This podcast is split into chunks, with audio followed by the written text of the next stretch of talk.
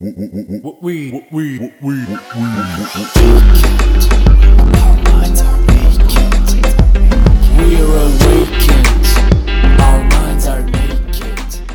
svima, ja sam Martina Đokić, a vi slušate podcast Mentalni nudista.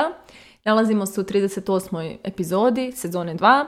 i u ovoj epizodi govorit ću malo o opiranju stajanju, odnosno o svim onim periodima kada se osjećate zaglavljeno, usporeno, nemotivisano, umorno, kada vam se stalno spava, nikako da se naspavate, kada vam se ništa drugo ne radi osim, ne znam, gleda Netflix ili, ili šta god, visi na TikToku, kao u mom slučaju. Ali prosto, oni neki trenuci kada iz, neke, iz nekog razloga nemate volju za akciju, a iz nekog razloga, znam i kojeg,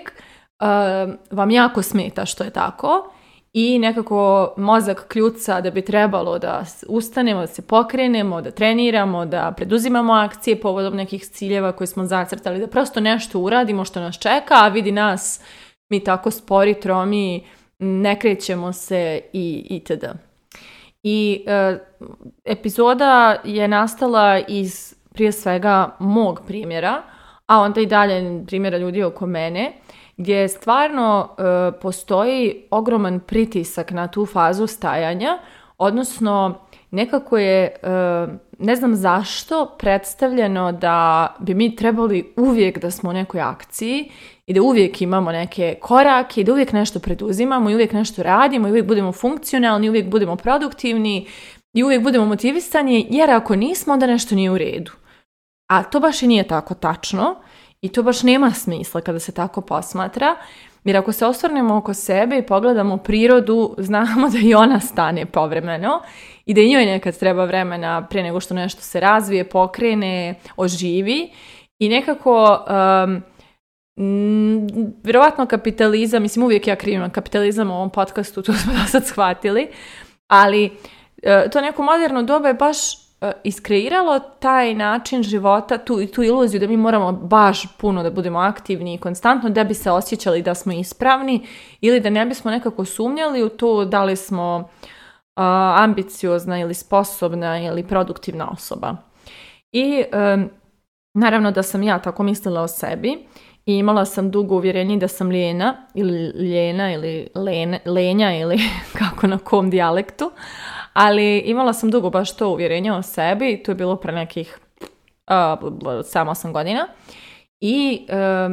dugo sam bila taj prokrastinator, stalno sam sebe krivila zbog toga, stalno je postojala neka, neka ovaj, nervoza u meni zbog takvih ponašanja. Ali ono što tada nisam razumjela, a sada razumijem, je da naša energija nas ne laži. I naša energija sa razlogom ima svoje uspone i padove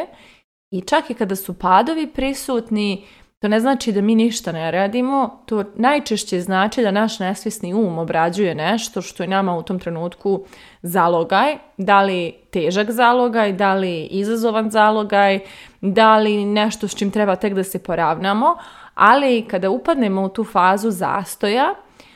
zapravo najčešće je to faza kada se e, obrađuje nešto u nama, Odnosno, znate recimo ko se bavi, ne znam, montiranjem videa ili tako nečim, eh, ili arhitekturom ili nešto slično, eh, vi svi znate za renderovanje. Znači, priprema se nešto, priprema, priprema, priprema, dizajnira, projektuje i tako dalje i onda treba to da se nekako spoji i klikne se renderova, ono, klikne se da se, da se ekstraktuje, da se pripremi i onda kompjuter to renderuje. I kada kompjuter renderuje to nešto, mora da se sačeka. I najčešće najbolje ne dirati ništa drugo na kompjuteru, zato što to vuče puno e, memorije, to je e, puno, nisam sad stručna da to kažem, ali procesor se optereti ili, oprostite me ako sam pogrešno rekla, ali kompjuter, ono, da kažem, uloži, uloži puno snage da izrenderuje to. I na kraju te kad se izrenderuje, tu je gotova priča. E, tako i mi imamo tu neku fazu kada nam se renderuje nešto u nesvisnom umu i e, nekada je to zapravo nešto strašno što se desilo,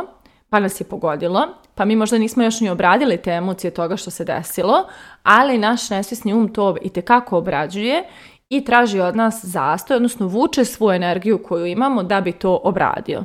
Nekad je to nešto super, poput nekog cilja koji smo zamislili, koji je fenomenalan, uzbudljiv, jedva čekamo da krenemo ka njemu, ali možda treba vremena isto našem nesvjesnom umu da isprocesuira taj cilj i sve što taj cilj sada nosi, sve promjene, sve izazove, sve možda i neke e, i, e, bolne strane tog cilja i samim tim, da kažem, vuče svoju energiju obrada tog cilja. Tako da u suštini treba vjerovati svojoj energiji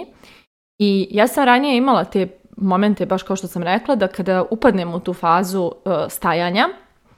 da moj mozak upadne u svoju kritički, u ono kritički scenariju ili kako kažem kritički glas i onda krenemo maltretira. Evo sad ti ležiš, a imaš to i to da uradiš, evo sad ti binđuješ seriju, a trebala bi to, to, to i to, evo čekate ovo, evo rekla si da ćeš da uradiš ovo, evo zatrtala si ono, vidi tebe, vidi tebe i onda i to stajanje nekako nije, ni, ni, ni to stajanje nije konstruktivno jer se maltretiram dok stojim. I trebalo mi je vremena da naučim da stanem i pustim sebe da stojim, a da e, ne krivim sebe zbog toga i da vjerujem toj svojoj energiji koja traži da stanem i ono što se uglavnom desi kada dozvolim sebi da budem u tom stajanju jeste da samo neke kockice krenu da se slažu, da mic po mic to nešto možda što sam zacrtala ili, ili što sam zamislila ili željela da promijenim ili mijenjala prethodno ili kako god, kao da nalegne i kao da ja kad krenem u akciju, krenem nekako cjelovita. Kao da krenem usklađena. I to je ono što e, mislim da je baš pocijenjeno u našem društvu, zato što stajanje nam zaista donosi tu finalnu obradu. I kao što rekoh, nekad je to obrada nekog perioda koji smo prošli, pa smo neke silne, da kažem, emocionalne promjene doživjeli ili emocionalne izazove i sad zašto nešto treba iz toga da se zaokruži, zaključi, da se prosto u, na, nama integriše to neko novo razmišljanje ili novo samopoštovanje ili novi uglovi gledanja na neke stvari. A nekad je to jer smo zamislili neki cilj i odlučili da se pozabavimo njime, pa sad on ima neke svoje, da kažem, neku svoju veličinu koja nas je možda malo i uplašila ili izazvala i svašta nešto i onda je potrebno opet da se obradi ta odluka da idemo sada u tom pravcu i da se različiti dijelovi nas koji, od kojih je jeli, zahtijevano da se uključuju u taj cilj, da se svi oni usklade i e, slože da će to da rade. I e, zaista kada tako posmatrate tu zaglavljenost, prije će proći i prije ćete iz nje izvući nevjerovatne resurse, nevjerovatne perspektive, nevjerovatne emocionalne posloženosti. Naprimjer, ja sam posljednjih mjeseci i po dana prilično statična, ne treniram, uh, e, kada sam se vratila s Tenerifa slabo sam i nešto u nekim akcijama, u smislu rijetko izlazim iz kuće, rijetko gdje idem, uh, nekako uglavnom se srećem s prijateljima po kućama i, i otprilike to je, to je negdje to i radim svakodnevne stvari koje inače radim, to su moji coachinzi, E, to su neke, da kažem tako, sitnice poslovne, mislim sitnice, neke stvari koje radim ono svakodnevno i koje su svakako dio mog, ovaj, moje rutine. A e, neke nove projekte koje sam zacrtala da radim, neke nove ciljeve koje sam za sebe odredila, ništa da radim povodom njih, a bukvalno znam što sve treba da radim. ja sam pustila. Ja sam sebe pustila jer ja znam da će uh, osvanuti dan kada ću ja da ustanem i da poželim da preduzmem neke korake. I samo sam pustila i vjerovala svojoj energiji i bila sam u fazonu, ajde da vidimo dokle će ovo da ide i šta će da donese. I ja se držim sa tih nekih svojih rutina. Pišem zahvalnosti, meditiram, znači moje, da kažem, svakodnevnica koja inače postoji, tu je. Sve što je novo i sve što treba novo da se desi, nije tu. I mic po mic, mic po mic, počinjem ja da primjećujem kako neke stvari koje sam ja zacrtala da uradim sljedeće, a koje su me, da kažem, na neki način uplašile, a da nisam toga bila ni svjesna, odjednom postaju normalne, opipljive, dostupne. E, neki dijelovi e, žrtve koja, koju moj cilj zahtjeva, poput, na primjer, e, ove godine odlazim iz Banja Luke i dio koji nikad ranije nisam imala, koji je sada tema je što neću više biti blizu porodice, jer meni je porodica sad postala jako važna vrijednost i sad to je neka žrtva koja uključuje sad, taj moj novi cilj uključuje. I trebalo mi je i to da obradim, da i to negdje u meni se nalegne da je to ok i da iz tog e, osjećaja tuge što oni neće biti blizu, prijeđemo osjećaj uzbuđenosti šta ću sve da im priuštim da vide zbog mog odlaska, gdje ću sve da ih vodim. I to je sve zahtijevalo, znači, neko vrijeme da u meni nalegne. I ja sam pustila. I čekala i čekala. I samo sam počela primjećujem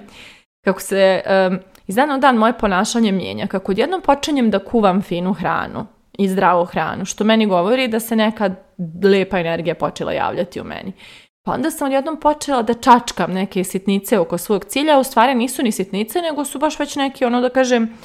E, detalji koji, koji su potrebni da se desi a koji, za koje sam ja sad već, da kažem, informisala se, preduzela akcije, a da nisam nekako sebe forsirala i sad ovo radi, nego je to sve nekako bilo usput. E, ovdje čačnem ovo, ovdje virnem ovo, ovdje pošaljem ovu poruku, a da nije bilo nešto kao e, sad ja sjedam, sjedim i preuzimam akciju. Tako da, nekako puštajući tu moju energiju da odstoji koliko njoj treba, a u stvari samo svjesno stojimo, nesvjesno se svašta dešava, i puštajući to,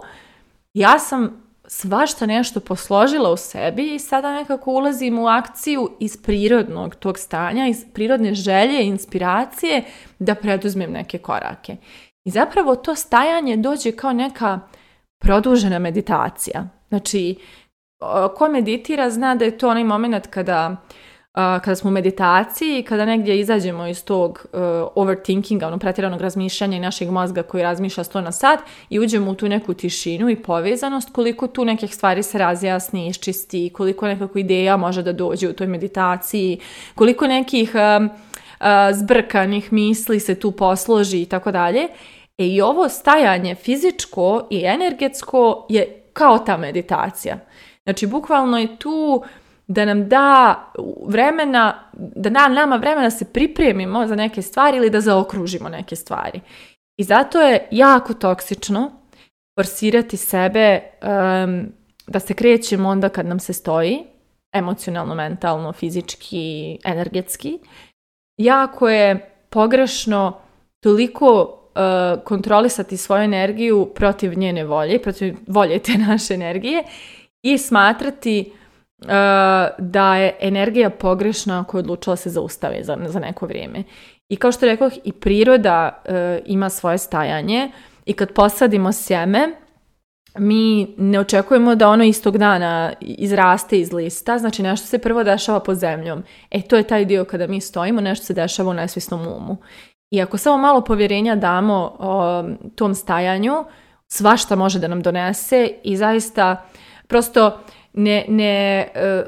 ne blokiramo e, procese koji se dešavaju u pozadini time što kritikujemo sebe, što sad ti stoji, što sad ne radiš ovo, što... Znači, ta krivica nas zapravo blokira, odnosno opterećuje taj naš procesor da ne stiže da obradi to što pokušava da obradi tim stajanjem. Tako da, eto malo jedne važne perspektive i isto